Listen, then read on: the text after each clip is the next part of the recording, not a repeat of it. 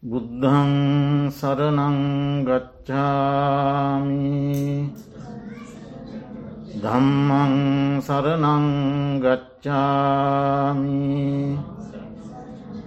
සංගං සරනංගච්ඡාමි දුතියම්පි බුද්ධං සරනංගච්ඡාමි දුතියම්පි දම්මං සරනංගච්ඡාමි දුතියම්පි සංගං සරනංගච්ඡාමි තතියම්පි බුද්ධං සරනංගච්ඡාමි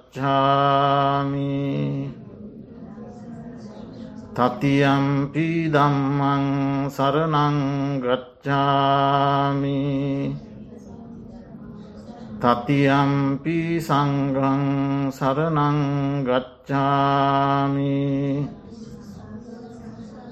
සරනාගමනං සම්පන්නං පානාතිපාතාවේරමනී සික්කාපදං සමාධයාමී අදින්නාදානාවේරමනී සික්කාපදං සමාධයාමි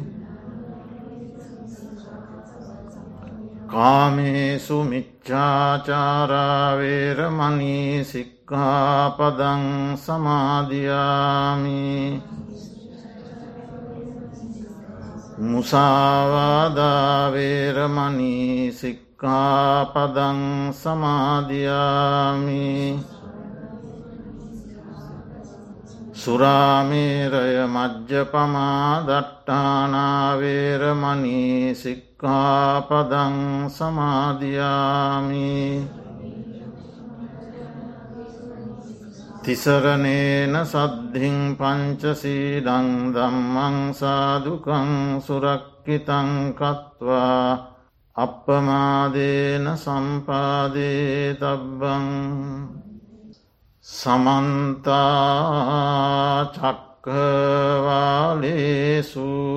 අත්‍රාගච්ඡන්තු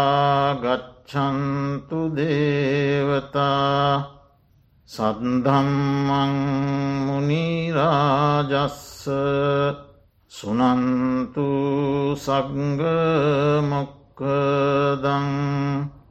දම්මස් සවන කාලු අයං වදන්තා. දම්මස් සවන කාලු අයං බදන්තා දම්මස් සවන කාලු අයං බදන්තා නමෝතස්ස භගවතු අරහතු සම්මා සම්බුද්දස්ස නමෝතස්ස භගවතු අරහතු සම්මා සම්බුද්දස්ස නමෝතස්ස භගවතු අරහතෝ සම්මා සම්බුද්දස්ස අගතිතෝ අමුච්චිතෝ අනජ්ජාපන්නෝ ආදීනවදස්සාවි නිස්සරණ පඥ්ඥෝ පරිභුංජතීති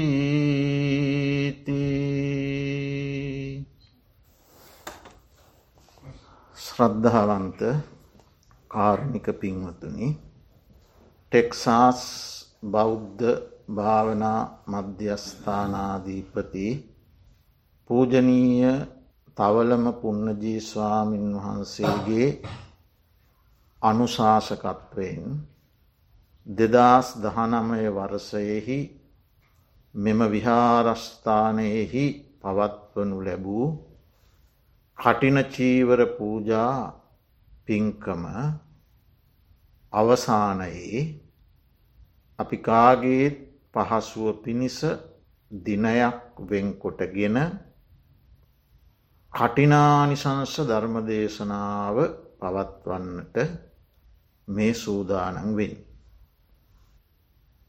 අපි හැම වර්ෂයේම නිදහස් විවේකී දිනයක මේ පින්කම පවත්වාගෙනනු ලබනවා අප ජන්ම භූමියෙහි නැත්තන් ශ්‍රී ලංකාවේ සෑම විහාරස්ථානයකම පාහේ මේ වටිනා පින්කම සිදුවෙනවා. පළමුුවෙන් අපි දැනගත යුතු කරුණු කීපයක් තියෙනවා.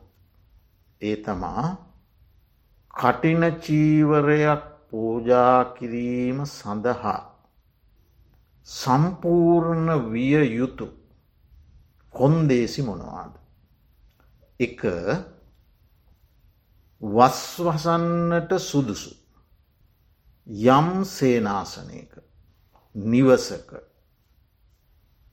ඇසලපුර පසොලොස්වක් පොහොය දින පොහොය විනය කර්ම කර පිරිසිදු වී. ඇසලපුර පසොලොස්වක් පොහොය දිනයට පසු දිනකට කියන්නේ අව පෑලවිය කියලා පසු දින.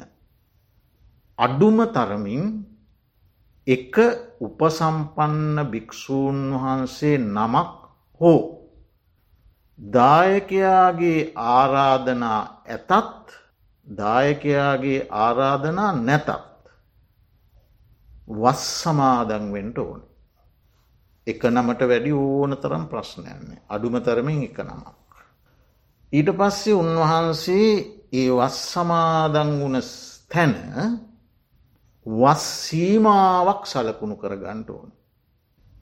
ඒ තමයි මේ තමයි මා වස්වසා වැඩ සිටින භූමිය කියලා ඒ භූමියයේ සීමාවක් හතර කොනේ සීමා සලකුණක් කරගන්නට ඕන. ඉන් පස්සේ ඒ සමාදන් වුණ වස් ශිස්සාපදය ආරක්ෂා කරගන්නට ඕන. යම් හෙයකින් එදින රාත්‍රයේ වෙනත් ප්‍රදේශයක වාසය කරන්නට යන්නේ නම්.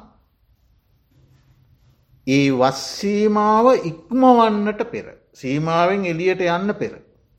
අධිෂ්ඨාන කරගණ්ඩ ඕනේ මම බැහැරට වඩිනවා මට අද එන්න වෙන්නේ හද්දවසක් ගතවෙන්නට පෙර. එකන හද්දවසේ අරුණ නැගෙන්න්නට පෙර.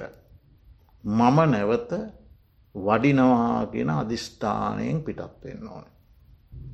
එම අධිෂ්ඨාන කරගණ්ඩ බැරුව අමතක වීමකින්. ඒ සීමාවෙන් එලියට ගියොත් ඒ ගමන නවත්තලා එන්න ඕන. එහෙම නැතුව ඇය අධිෂ්ඨානයක් හෝ සිතුවිල්ලක් අධිෂ්ඨාන කරලා සිතුවිල්ලත් තිබ්බත් ඇති. එම සිහිනුවනින් තොරව ගියොත් එන්න බැරිවුණොත් මෙතන සිහියෙන් තොරවයි ගිය එතවට වස් කැඩෙනවා. ඒ විදිහට ඒක බහා ලොකු වැඩක්. නිතර සිහියෙන් යුක්තව එක ඒ සමාදන් වුණ වස ආරක්ෂා කරගණ්ඩුවන්. ඡේදනය නොවී කණ්ඩනය නොවී කැඩෙන්න්නට නොදී ආරක්ෂා කරගන්නට ඕන. ඊළඟට වප්පුර පසොලොස්වක් පොහොය දවසි. එකන ඔක්තෝම්බර් මාසි පෝය. එදිනට පවාරණ විනය කර්මය කරන්න ඕන. පවාරණය කියන වස් අවසංකිරීමක් නෙවෙයි. ඒක තමන්ට අවසං කරන්න දෙයන්න වස්කාලිවරෙනකොට වස් අවසං. පවාරණය කියන්නේ සංඝයාගේ සමගිය උදෙසා කරන විනය කර්මය. සීමාමාලකයකට එකතු වෙලා ජේෂ්ඨ භික්‍ෂූන් වහන්සේලාත් නවක භික්‍ෂූන් වහන්සේලාත් තම තමන්ගේ අතින් යම් වරදක් සිදු උනේ නම් සිදු උනේ යැයි ඇසුවේ නම් සිදු උනේ යැයි සැක ඇත්නම්. මගේ ඇතින් යම් වරදක් වෙනවා ඔබ වහන්සේ දුටුවේ නම්. දුටුවේ නැතත් ඔබවහන්සේට අසන්නට ලැබුණේ නම්. මගේ ඇතින් යම් වරදක් වුණා කියලා ඔබවහන්සේට සැකයක් ඇත්නම්. ඒ වරද මං ඔබවහන්සේ ඉදිරියේ පවරනවා. එතවට ජේෂ්ඨ භික්ෂුවත් එහෙමයි. නවක භික්ෂුවත් එම. ඔවුන් ඔවුන් කෙරෙහි තම තමන්ගේ වරද පෙන්නා දෙන ලෙස දුටු හෝ ඇසූ හෝ සැක සහිත හෝ. ඒ පාරිශුද්ධියව දෙසා. සංඝයාගේ සමගිය උදෙසා කරන විනය කර්මයක්. ඒකට නිධාන කතාවක් තියෙනවා ඇති ඒවා කියන්න ගියොත් කාලය ගොඩක් යනවා. ඒ එහෙම බුදුරජා ඔය හැම එකක්ම බුදුරජාණන් වහන්සේ පනවන්නේ හේතුවක් ඇතිව. හේතුවක් නැතුව පනවන්න. එතවට ඔන්න පවාරණය කියන්න මොකක්දේවනම් සංඝයාගේ සමගිය උදෙසා දේශනා කළ විනය කර්මයක්. එතෝට ඒ විනය කර්මය කරන්නට ඕන. එතෝට දැන් වස් සමාදන් වෙන්ඩ ඕනෑ වස් ආරක්ෂා කර ගණ්ඩ ඕනෑ පවාරණ විනය කර්මය කරන්නට ඕන. අන්න එවැනි භූමියක එවැනි සෙනසුනක කටිනස්ථාර විනය කර්මය කරන්න පුළුවන්. කාටද කටිනයක් පූජා කරන්න පුළුවන්. දෙවියෙකුට පුළුවන්. මනුෂ්‍යයකුට පුළුවන්. භික්‍ෂුවකට පුළුවන්. භික්‍ෂුණියකට පුළුවන්. සාමනේර කෙනෙකුට පුළුවන්. සාම නේරී කෙනෙකුට පුළුවන්. උපසම්පදාව සඳහා හික්මමින් ඉන්න කෙනෙකුට පුළුවන්. ඔන්න ඔය හත් දෙනෙන් ඕනම කෙනෙකුට පුළුවන් කටිනයක් පූජා කරන්නට භික්‍ෂූන් වහන්සේලා උදෙසා. දැහිති ඔය ඇත්ව ඇති වෙන්නේ මිනිස් කියන කොටසට ඔන්න මනුෂ්‍යයන්ට පුළුවන්. දෙවියකුටත් පුළුවන්. භික්ෂුවට පුළුවන් භික්ෂුණයට පුළුවන් සාමනේරයකුට පුළුවන් සාම නේරියකුට පුළුවන් උපසම්පදා පිණිස හික්මෙන්නියකොට පුළුව. ඔය අතරින් ඕනෑම කෙනෙකුට අර කොන්දේසි සම්පූර්ණ වූ සේනාසනයක ඉන්න ඒ වස් සමාදන් වුණ තැනක එය ආරක්ෂා කරපු තැනක ඉන්න භික්‍ෂූන් උදෙසා කටිනයක් පූජා කරන්න පුළුවන්. එතකොට දැන් මෙන්න මේ වස් සමාදන් වන විහාරස්ථානය සහ ඒ වස් සමාදන් වන භික්‍ෂූන් වහන්සේලා ඇසුරු කරමින් මේ දැම් මෙතන තියෙන මහා විනය කර්මයක් මහා පින් රැස්වෙන තැනක්නේ. එතවට මේ දායක කාරකාදීන්ට බොහෝ දේ කරන්න පුළුව. මොනවද කරන්න පුළුව. අපි ඒ වස් සමාදන් වූ ස්වාමීන් වහන්සේලාට කැඳදානය පූජා කරන්නට ඕනේ. ඔන්න කතිකා කරගෙන කරන්න පුළුව. මම ඒ පින්කම කරනවා. මේ වස් කාලෙ මං ඒ පින්කම කරනවා.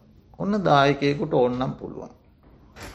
එහෙම නැත්නම් පුළුවන් මම මේ වස්කාලය තුළ සතර පෝවයටම සිල් සමාදන් වෙනවා. එක දවසක්වත් අත්න හැර. ඔන්න දායකයොන්ට කරන්න පුළුවන් වැඩ. එහෙම නැත්තං මම ඒ ස්වාමීන් වහන්සේලා වස් සමාදන්වීම නිමිති කරගෙන ඒ වස් සමාදන් වන දවසේ ඉඳලා දින තුනක් මං එක දිගට පෙහෙවස් වසන. අතන් දින හතක් මං පෙහෙවස් වසනවා.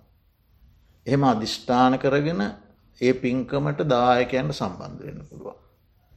එහෙම නැත්මං දැම් මේ මාසික දාන ක්‍රමය තියෙනවනි දැම් පන්සලක.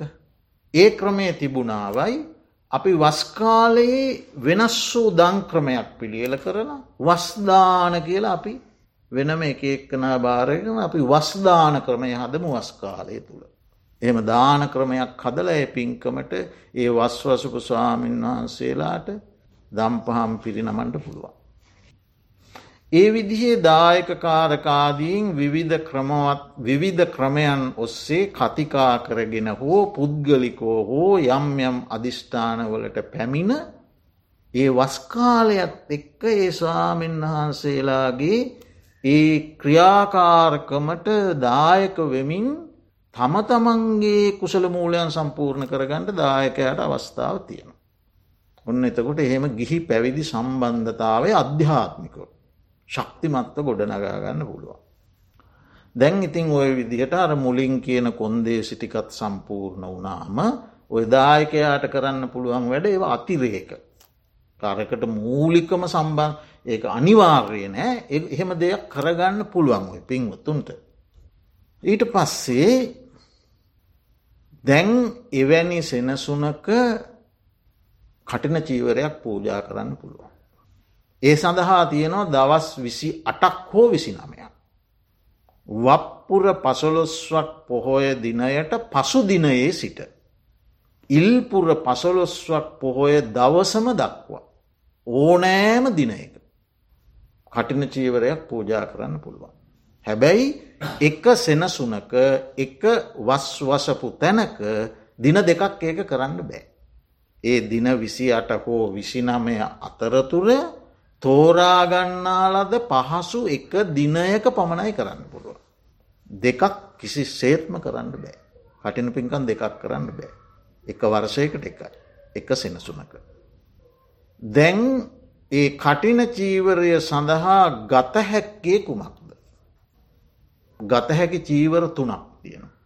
දෙපට සිවුර තනිපට සිවුර සහ අඳනේ.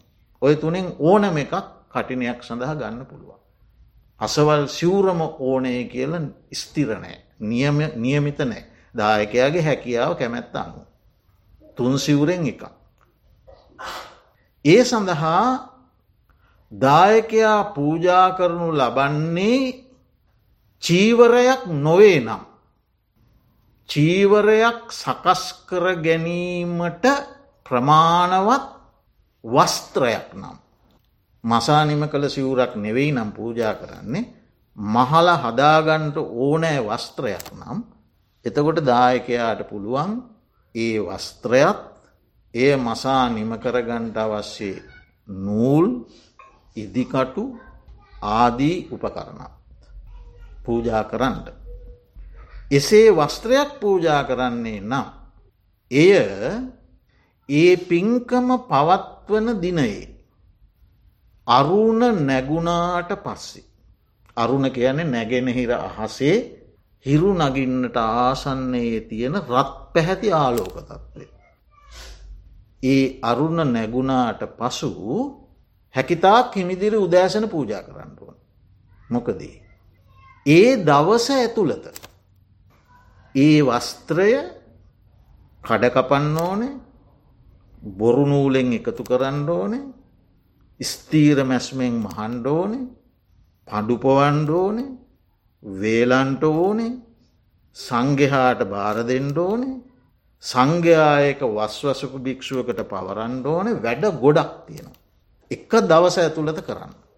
එක පහුවදාකරොත් කටිනයක් වෙන්න. පූජා කරන්න පුළුවන් එදා දවස කරන්න බැරිවුණොත් කටිනයක් නෙවෙයි. එ දවස ඇතුළෙම කරන්න. ඒ නිසා හැකි තාක් අලුයම් කාලයේ වැඩ නිම නොකළ සිවුරක් නම් පූජා කරන්නට ඕන. පූජා කළ යුත්තේ කාටද. වස්වසපු හාමුදුරුවන්ට නෙමේ. පූජා කළ යුත්තේ සංඝයාට දායකයා පූජා කළ යුත්තේ මහා සංගරත්නයට. වස්වසපු හාමුදුරුව අරමුණු කරගෙන නෙමේ මහා සංගරත්නයට. ඒ පූජාව පිළිගැනීමට කීනමක් අවශ්‍යද. වස්වසපු ස්වාමින් වහන්සේලාත් ඇතුළත්ව අඩ්ඩුම තරමින් පස්නමක් ඕන. පස්නමට අඩුව බෑ.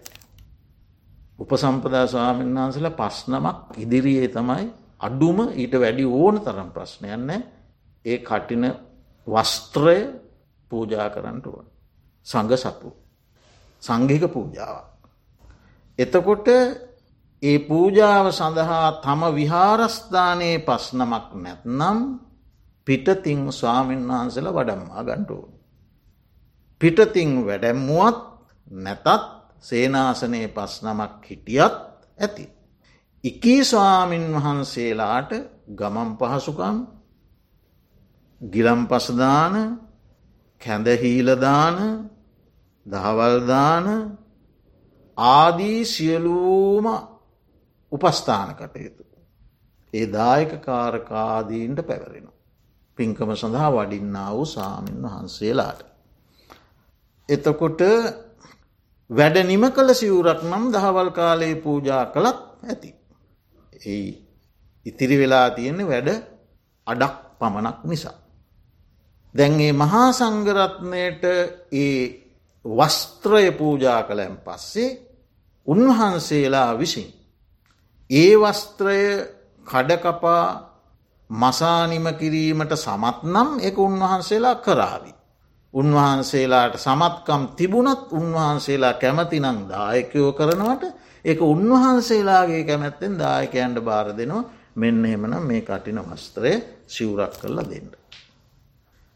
දැන් ඒ සිවුර නැවත මහා සංගරත්නයට භාර කරැන් පස්සේ මහා සංගරත්නය තීරණය කළ යුතුයි ඒ කටින චීවරය භාරදිය යුත්තේ කාටද. ඒක දායකයන්ට තීරණය කරන්න බෑ. ඒ සීමාවේ වස්වසා සිටින්නේ එක ස්වාමින් වහන්සේ නමක් නං අය දෙක් තීරණය කරන්න දෙයක් නෑ.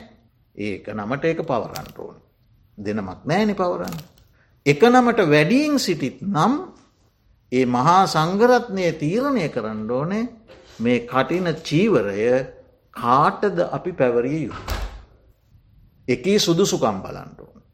සුදුසුගම් බැලීමේදී මුලින්ම බැලිය යුත්තේ මේ ලැබී තිබෙන්නේ තනිපට සිවුරක් නම් දැනට මේ ඉන්න භික්‍ෂූන් වහන්සේලා අතර තනිපට සිවුරක් හිඟ කාටද. දිරාපත් වෙලා තියෙන්නේ කාගෙද. දුර්වල වෙලා තියෙන්නේ කාගෙද. අන්න ඒක තමයි ප්‍රධාන සුදුසුකම. සිවුරු හිග කෙනා. ඊළඟට බලනවා ඒ කටින චීවරය භාරගැනීමෙන් පස්සේ එයට ලැබෙන ආනිසංස ඒ ආනිසංස බිඳෙන් නැතිවෙන්න. මේ චීවරය පරිභෝග කිරීමට සුදුස්සා කවුද. ඔය කියන ලද සුදුසුකම්. බලලා මහා සංගරත්නය තීරණය කරනවා මේ කටින වස්ත්‍රයේ මේ කටින චීවරය සංඝහා විසින් අසවල් භික්‍ෂුවට පවරනු. එහෙම තීරණය කරලා එකට කැමැත්ත ගණ්ඩුවන්.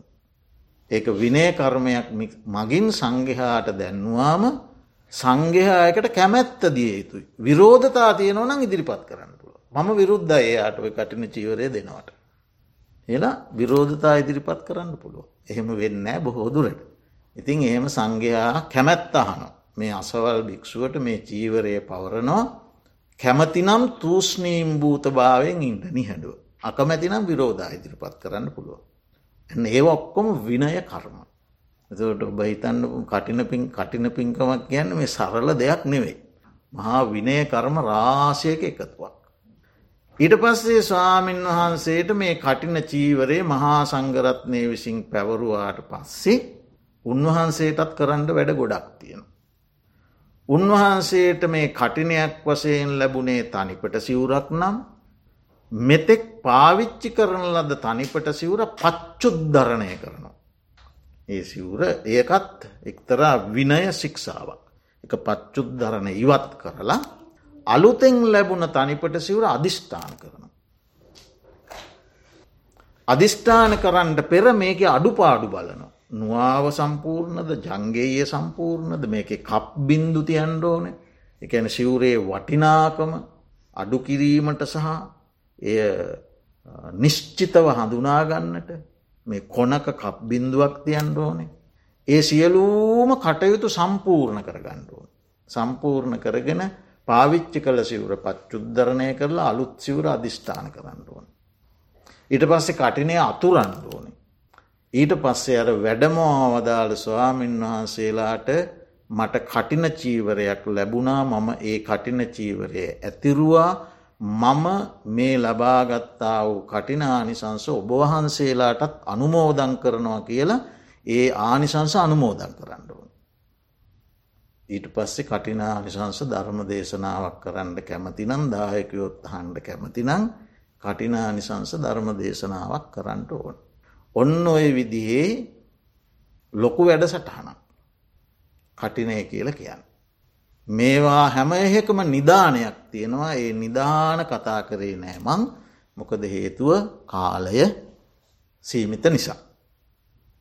ඉතිං දැන් මෙන්න මේ විදිහේ යම්කිසි ස්වාමින් වහන්සේ නමක් කටිනය සඳහා සුදුසුකම් ලැබුවේ නම් මහා සංගරත්නය විසින් උන්වහන්සේට කටිනයක් පැවරුවේ නම් ඒ කටිනය ලබාගත්ත ස්වාමින් වහන්සේට මැදින් මසපුර පසලොස්වක් පොහොය දිනය තෙක්.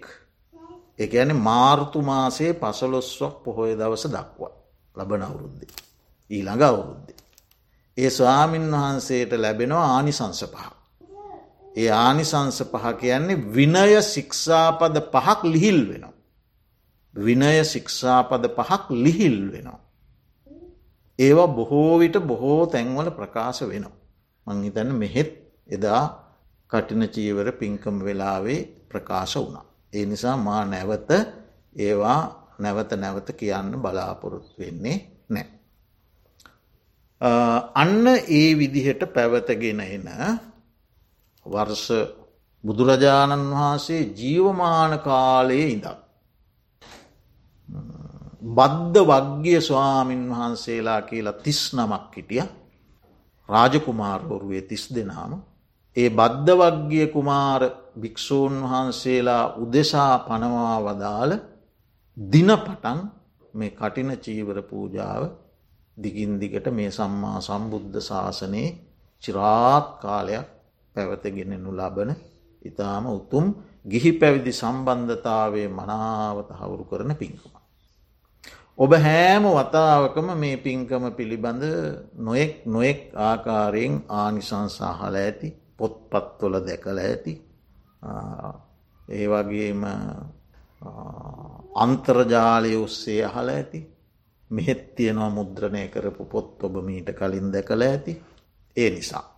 ඒවාහි සඳහන් කරුණු මම නැවත මතක් කරන්නේ. මම ධර්ම දේශනාව ඊට වෙනස් පැත්තකට යොමු කරනවා. මොකදද වෙනස් පැත්ත දැන් ඔබ මේ පූජා කළේ කුමක්ද ප්‍රධානම දේ තමයි කටින චීවරය. ඒ කටින චීවරයේ පූජා කිරීම සමග එදා දවසේ. ඔබ මේ විහාරස්ථානයට ඉදිකටුවක් නූල් බෝලයක් ආහාරපාන ටිකක් සහිත. මොනවා හෝ පූජා කිරීම සඳහා යමක් ගෙනාවේ නම්. ඒ පූජාව සඳහා ගෙනෙන ලද සියල්ලුම දේවල් කටින පරිවාර බවට පත්. ඒවා අර කටින වස්ත්‍රයේ පරිවාර පූජ. එදාගේන ඉදිකට්ට කටින ඉදිකට්ට. එදාගේන දානය කටින දානයක්.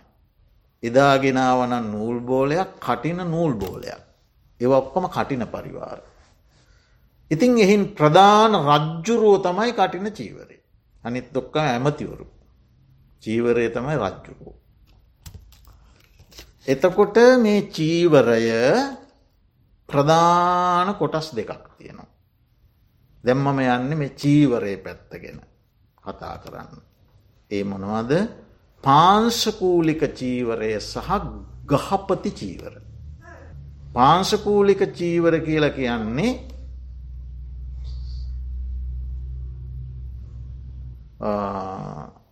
අයිතිකරුවෙක් නැති. අතහැර දැමූ ඒ වගේම කසල් කසල ගොඩවල්වලට විසිකර දැමූ. සුසාන භූමිවල මලමිති මලමිනී ඔතන ලද. වේයන් මීයන් කෑවාය අපලය කියල විසිකර දමන ලද.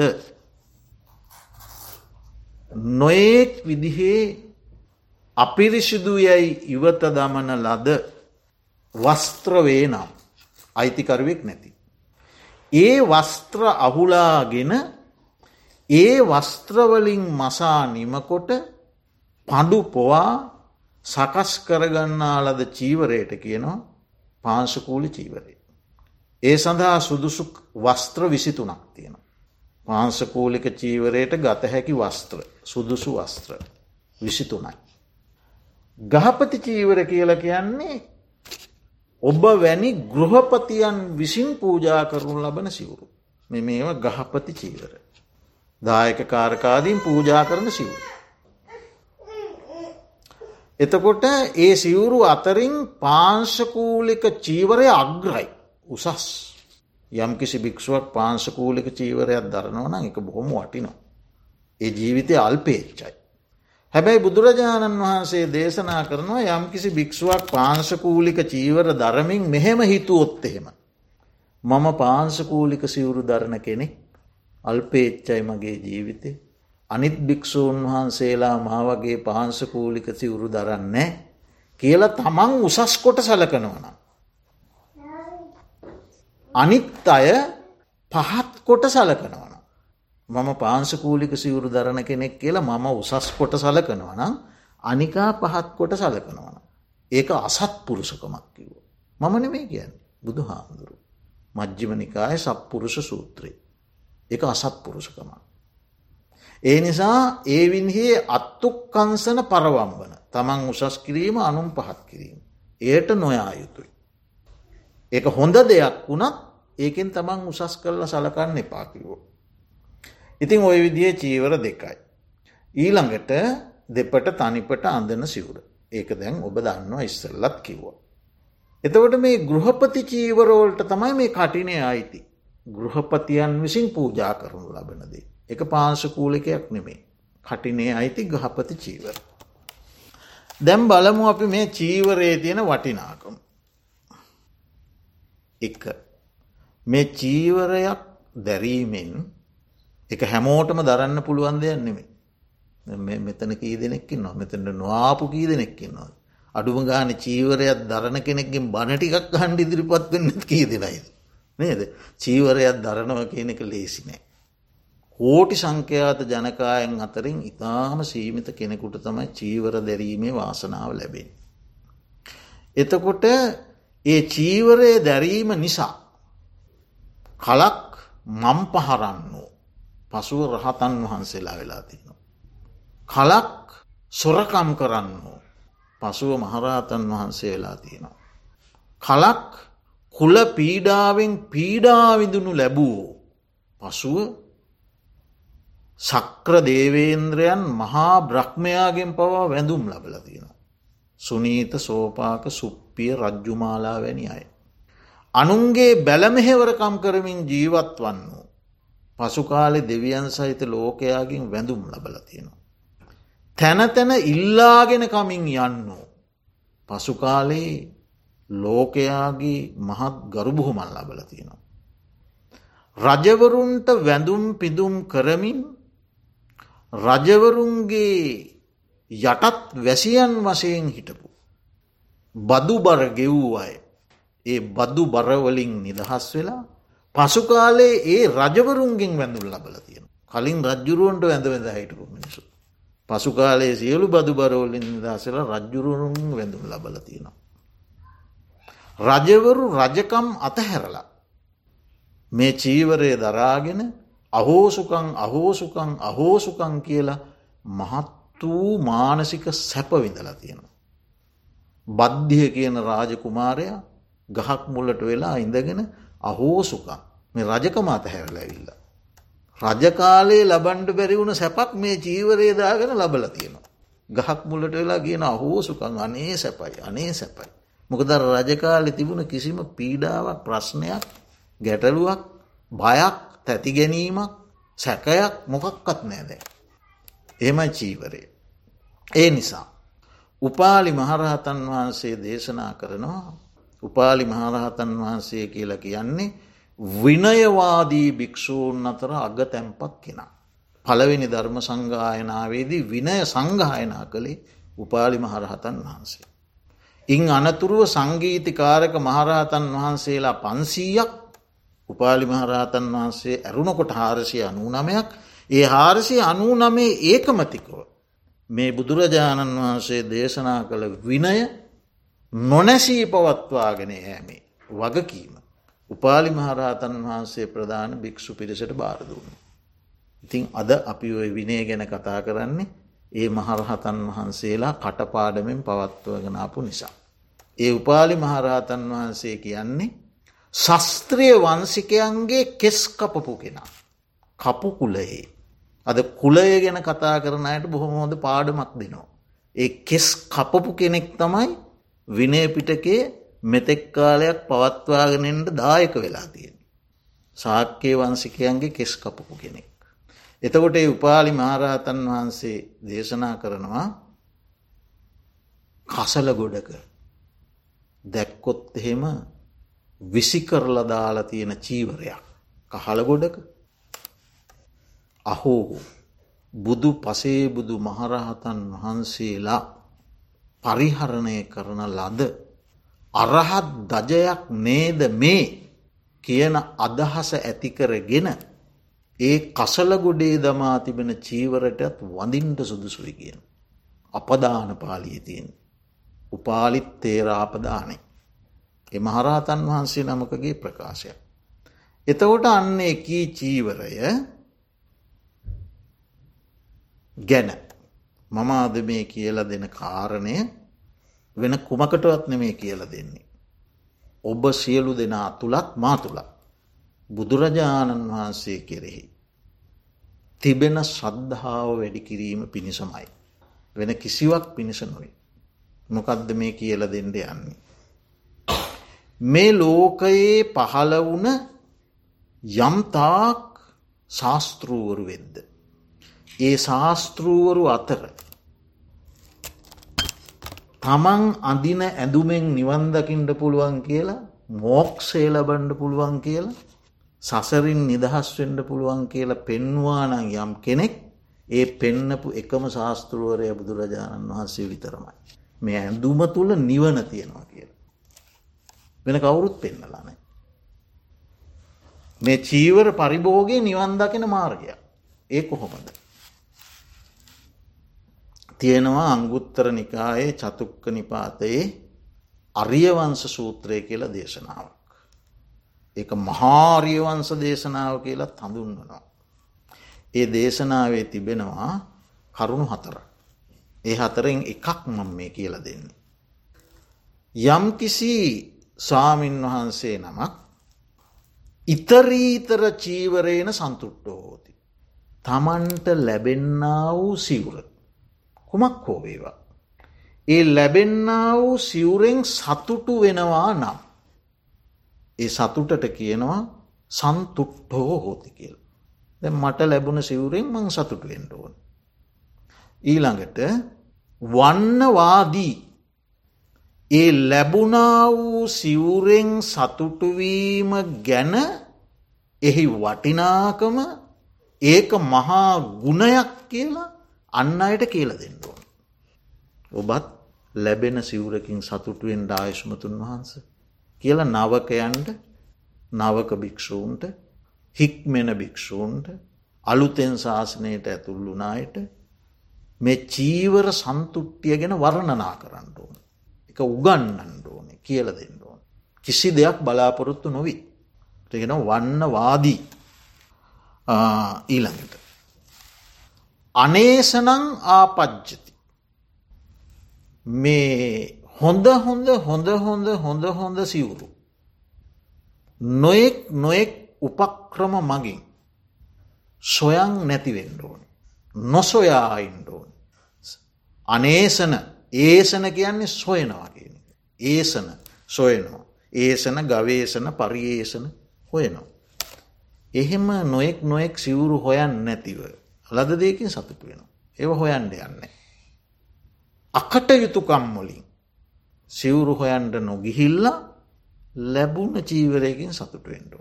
අනේසනං අපපති රූප. ඊළඟට යම් විදිහකින් තමන්ට නොගැලපෙන ප්‍රිය නොවන මනාප නොවන කැමති නොවන බර්ර ගොරෝසු අකමැති සිවුරක් ලැබුණත් න පරිතස්සති. ඒකෙන් තැති ගණ්ඩ එපා කියන එකෙන් තැති ගන්නේ නෑ. ඒකෙන් සිතේ නොසතුටක් ඇති කරගන්න දැන්න කරුණු හතරක් කිව්ව. ලදයකින් ලද සිවුරකින් සතුටු වුණා ලද සිවුරකින් සතුටුවීමේ ගුණය කියල දෙනවා. ඊළඟට නොයෙකුත් අකට යුතුකම් වලින් සිවුරු හොයන්ට යන්න.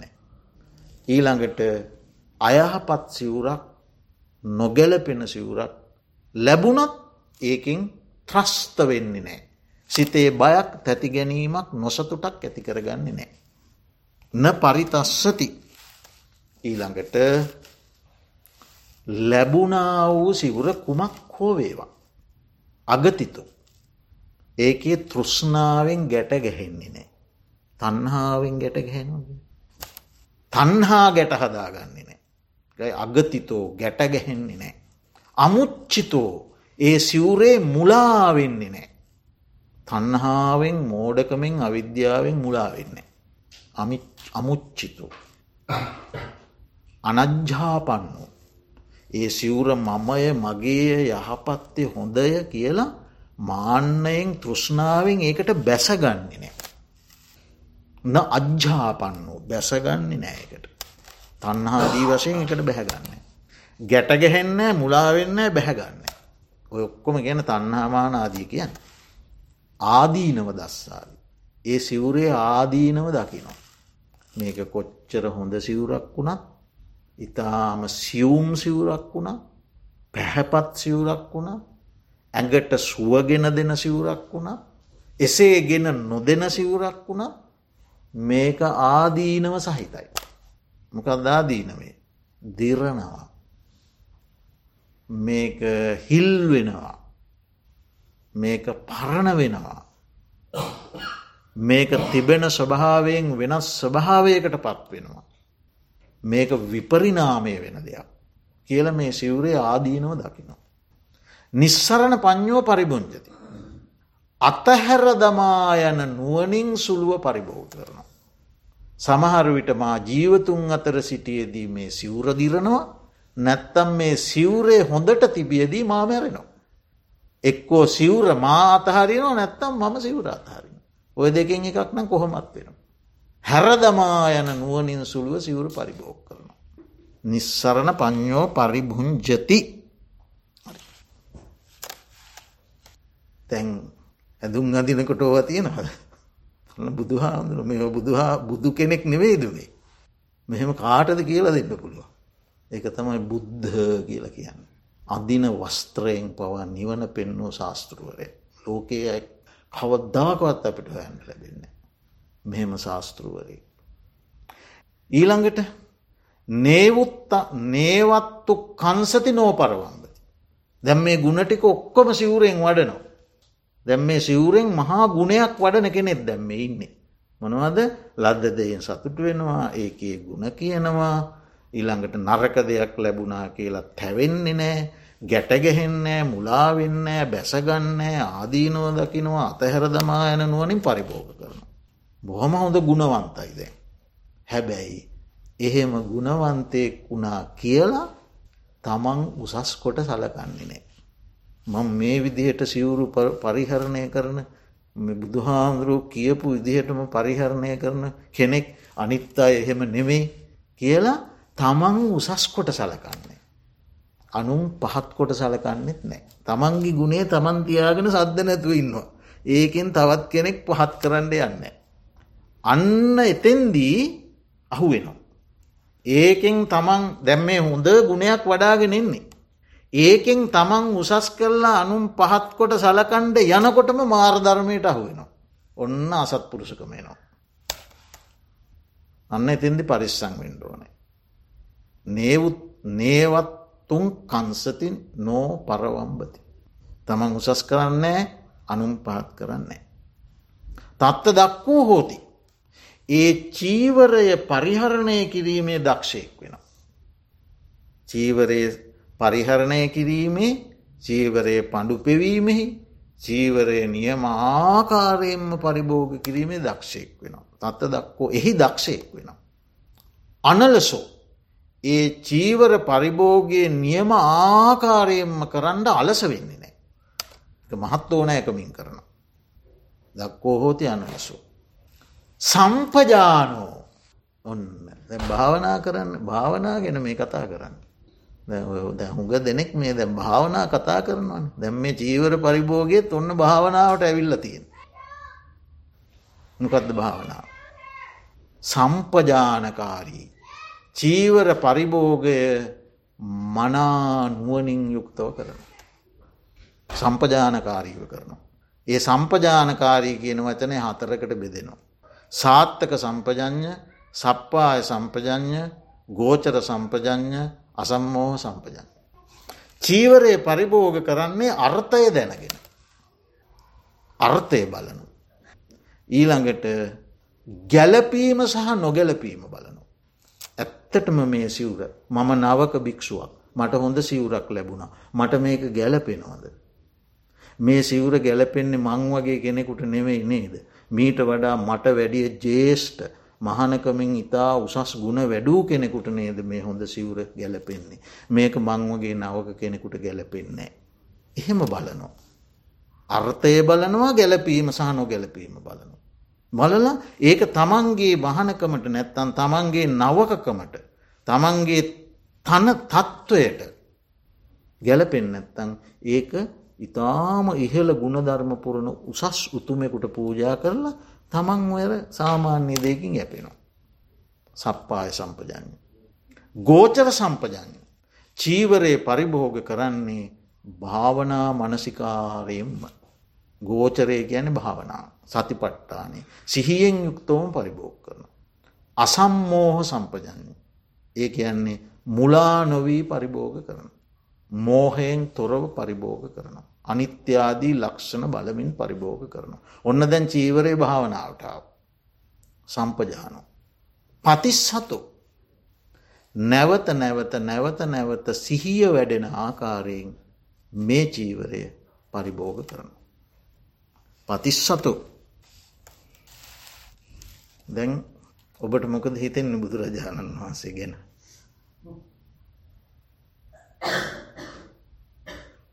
මේ කියන ලද ක්‍රමයට මම සිවුරු පරිභෝග කරන කෙනෙක් නොවෙන්න පුළුවන්. හැබැයි. මේවා ඉගනීම තුළින් මේවා දැනගැනීම තුළින් මේවා ශ්‍රවණය කිරීම තුළින් බුදුරජාණන් වහන්සේ කෙරේ ඇතිවෙන්නේ පුදුමාකාර වූ හැඟීමක් ගෞරවයක් ශාස්තෘත්වය පිළිගැනීමක් ඉතිං මං හිතන්නෑ ලෝකයේ කිසිම කෙනෙක් මේ අඳින ඇඳුම උපකාර කරගෙන ඒක මූලාශ්‍ර කරගෙන මේකෙන් ඉනිකුණෙක් වෙන්න පුළුවන් මගත් වෙන්නවා. එක ස්වාමීන් වහන්සේ නමක් අපවත් වෙලා සිවුරට ලොල් කරලා ඒ සිවුරෙම ඉනිකුණෙක් වෙලා ඉපදම. ඒ මගත් පෙන්නවා. මේ සිවුරම උපකාර කරගෙන සසරින් නිදහස් වෙන මගත් පෙන්වා. එහෙම ශාස්තෘුවරයෙක් තවත් ලෝකයේ ඇතැයි මමනං හිතන්නේ. ඒ නිසා බුදුරජාණන් වහන්සේ සිවුරු පරිභෝගයේදී පත්‍යවෙක්ෂාවකුත් දේශනා කළ. එකට ගෙන චීවර පත්‍යවෙක්ෂාව. මම මේ චීවරයේ පරිභෝග කරන්නේ සීතල දුරුකර ගැනීම පිණිසයි. උස්්නය දුරුකර ගැනීම පිණිසය. මැසි මදුරුවන්ගෙන් අව්ුවෙන් වැස්සෙන් සීතලෙන් උණුසුමෙන් පත්තෑ ගෝනුසු ආදී සර්පයන්ගෙන් වන පීඩා දුරුකර ගැනීම පිණිසේ. නොවැසුව හොත් ලැජ්ජාසීලී වෙන තැන් වසන්නඇතු හිටියොත් ලැජ්ජයිනි ඒ තැන් වසා ගැනීම පිණිසේ එච්චරයි මම මේක පරිභෝග කරන ඒ සඳහා. කියන කාරණය නිරන්තරයෙන් සිහි කරමින් මේ සිවුර පාවිච්චි කරන්න. ඒ ඒ මොහොතේ පාවිච්චි කරනකොට සමහරවිට සිහිය නැතිකම නිසාමතක වෙන්න පුළුවන්. ඒ නිසා එදින දවස අවසං වෙලා සහ පසුදින උදේ අවදි වෙලා. අවදි වෙන මොහොතේත් නින්දට යන මොහොතේත් දවස අවසානයේ හෝ මේක සිහි කරන්න කිව. මං මේ සිවුරු පරිභෝග කරන මේ හේතුක නිසා. ඊළඟට අටුවාචාරයෙන් වහන්සේලාගේට එනකොට මේ චීවරය ධාතු වසයෙන් මෙනෙහි කරන්න කිව. යථාපච්චයන් පවත්තමානන් ධාතු මත්ත මේ වේතන් යදිදන් චීවරක්. තදු පබුං්ඥකෝච පුද්ගලෝ නිශ්ෂත්තෝ නිජ්ජීවෝ සුඥෝ. ඒන්නේ. මා පාවිච්චි කරන්න වූ මේ චීවරය ධාතු මාත්‍රයක්. ස්වභාවේ ධාතු පටවිධාතු මාත්‍රයක් ප්‍රධාන වශයෙන්. තදගතියෙන් යුක්ත. මාගේ මේ ශරීරයක් ධාතු මාත්‍රයක්. පටවියාපෝ තේජෝවායෝ සතරමහා ධාතු මාත්‍රයක් මේ ශරීරයේ. එතොට ශරීරයක් ධාතු මාත්‍රයක් චීවරයක් ධාතු මාත්‍රයක්. මේ චීවරය නම් වූ ධාතුමාත්‍රය ශරීරයේ නම් වූ ධාතුමාත්‍රය වැලඳගෙන සිටිනවා පොරවාගෙන සිටිනවා කියලා චීවරය දන්නෙත් නෑ. මේ සිවුරට එහෙම දැනීමක් නෑ මේ අචේතනික වස්තුව. මේ ශරීරයේ සිවුර දැවටී තියෙනවා කියලා මේ ශරීරයේ දන්නෙත් නෑ එක විඤ්ඥානයත් එක්ක බැඳුන දෙයක්. මේ ධාතු මාත්‍ර ශරීරය එක දන්නෙත් නෑ. එහෙම මෙනෙහි කරන්න කිව්. ඊළඟට මේක පටික්කූල වසයෙන් මෙනෙහි කරන්න කිව්ව. ඒ කොහොමද මේ චීවරය ඉතාම පවිත්‍රයි පිරිසිදුයි. තව කෙනෙකුට තව භික්ෂුවකට දෙන්නත් පුළුවන්. නමුත් මේ පවිත්‍ර පිරිසිදු චීවරය මේ පටික්කූල වූ පිළිකුල් වූ මේ ශරීරයේ දැවටීමෙන් මේ ශරීරයත් එක්ක දැවටී තිබීමෙන් මෙහි තියෙන දාඩිය අරවමෝ ගෑවිලා මේ සිවුරේ පවිත්‍ර බව නැතු යන. එතකොට මේ පිළිකුල් සිරුරේ දැවටීමෙන් මේ සෝබන සිවුර අපවිත්‍ර වෙනවා. එම පටික්කූල වසයනුත් පෙනේ කරන්නකිව. ධාතු වසයනුත් මෙනේ කරන්නකිව. මේ චීවරයේ ශත්වයෙක් නෙවෙයි පුද්ගලයෙක් නෙවෙයි ජීවයක් නොවෙයි ශූන්‍ය වූ දෙයක් ධාතු මාත්‍රයක් එහෙමත් මෙනෙහි කරන්න කිව. මේ විදිහට මේ චීවරය කියලා කියන්නේ සම්මා සම්බුද්ධ ශාසනයේ නිර්වාණ ගවේශණය කරන භික්‍ෂුවට ඒ නිර්වාණය උදෙසා මඟ පින්වන ඉතාම උසස් ලෝකයේ තියෙන පූජනීයම වස්ත්‍රය. ඉතිං ඔබත් එවැනි උදාර පින්කමකට දායක වනා කියන සතුට සන්තෝසය ඇති කරගන්න මේ ඉගෙන ගන්නා කරුණු. සීයට සීයක්ම අනුගමනය කරන අය ලෝකයේ නැතිවෙන්න පුළුවන්. නමුත් යම් පමණකට අනුගමනය කරන අය ලෝකෙ ඉන්නවා. සියලුම දෙනා සීයට සීයක්ම මේ තුළ නැතිවෙන්න පුළුවන් නමුත් මේක තමයි ධර්මය. යමක් මට කළ නොහැකි වූ නිසාමට ධර්මය මරන්න බෑන් නැත ඔබ කැමති දෙක. යම් දෙයක් මට බැරිවෙන්න පුළුවන්. නමුත් මම ධර්මයට පවතින්න දෙන්න ඕනේ. ඕක තමයි ධර්මය. ඒ නිසා එවැනි උදාර පින්කමකට අපිද්දායක වුණා කියන සතුට සන්තෝෂය ඇති කරගෙන වස් පින්කම සඳහාදායකත්වය දක්වූ සෑම සියලු දෙනාටම ප්‍රධානදායකත්වය දැක්වූ පින්වතුන්ට පින්කම සඳහන් නොෙක් ආකාරයෙන් උද උපකාර කළ සැමටත් වැඩමවාවදාළ ගෞරෝණීම සංගරහත්නයටත් අප සියලු දෙනාගේම සුජීවත්වවාසය කරන ඥාතීන්ටත් මිය පරලෝගයා වූ ඥාතීන්ටත් දෙවියන් සහිත ලෝකවාසී සියලු සත්වයන්ටත් මේ පින් අමාමහ නිර්වාණසුව සාන්තිය පිණිසම එකසේම හේතුවේවා වාසනාවේවා උපනිශ්‍රය වේවා කියන පාර්ථනාවෙන් සාධකාරයක් පවත්වන්න තෙරුවන් වන්දනා කරලා දෙවියන්ට ඥාතීන්ට පින් අනුමෝදන් කරනවා.